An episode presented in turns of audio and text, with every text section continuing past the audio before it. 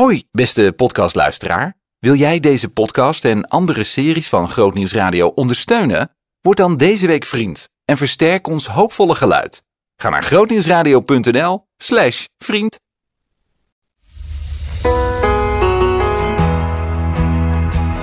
De belofte van de Vader, de Heilige Geest, is veelzijdig in wat hij geeft. In de eerste brief van de Efeziërs staat deze tekst. In hem bent u door uw geloof gemerkt met het stempel van de Heilige Geest, die ons beloofd is als voorschot op onze erfenis. En in 2 Korinthe 1 staat een vergelijkbare tekst. Het is God die u en ons Christus als fundament geeft, die ons allen heeft gezalfd, heeft gewaarmerkt als zijn eigendom en als ons als voorschot de geest gegeven heeft. Het is een voorproefje van het grote feestmaal dat voor ons ligt. En wanneer we bemoediging nodig hebben, helpt de geest ons in moeilijke tijden om vol te houden. Onder meer door ons te herinneren aan wat er komt. In de vreselijke tijd waarin de slaven op de Amerikaanse plantages werkten, zongen ze hun hart uit over de hemel, terwijl ze onder de geestel van hun meesters werkten. In veel Negro spirituals klinkt die veerkracht, het verlangen en het verzet door vanuit een ziel die weet dat hij vrij is en een toekomst met een hoofdletter heeft.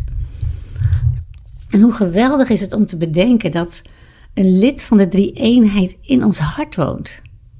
En dat hij als taak heeft onder meer om, om ons te laten proeven van wat komt. Er is zoveel meer te vinden in geloof dan we ons kunnen voorstellen. En daarom is het zo belangrijk dat we cynisme en afweer laten varen. En rustig en doelbewust wachten op de geest. Om onze zielen te vullen met de vreugde van God. En die vreugde die is voor nu en voor de toekomst. En de schrijver van de Hebreeën zegt: laten we onze ogen op Jezus richten, die vanwege de vreugde die voor hem lag het kruis verdroeg.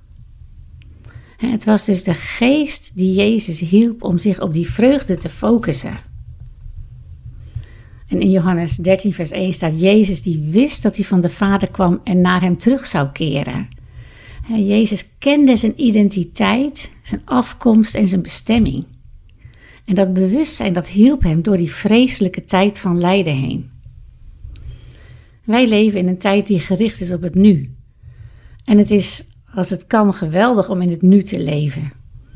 En tegelijk mogen we, als volgers van Jezus, bedenken waar we vandaan komen en waar we naar terugkeren.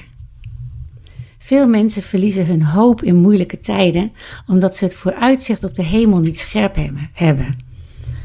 En ken je die zachte boodschap die de geest in je hart fluistert. Hou vol, het duurt niet al te lang voordat je thuis bent. Het helpt zo om dat perspectief te houden. We mogen volop in het hier en nu leven en tegelijk proeven van wat komen gaat. Een leven met Jezus in vrede, vreugde en liefde. En we danken u, Heer Jezus, dat we in dat perspectief mogen leven. Ook als ons leven nu moeilijk is, uitzichtloos, als we lijden of pijn hebben, verdriet of ziekte. Dank u wel dat u ons het uitzicht geeft van een leven met u.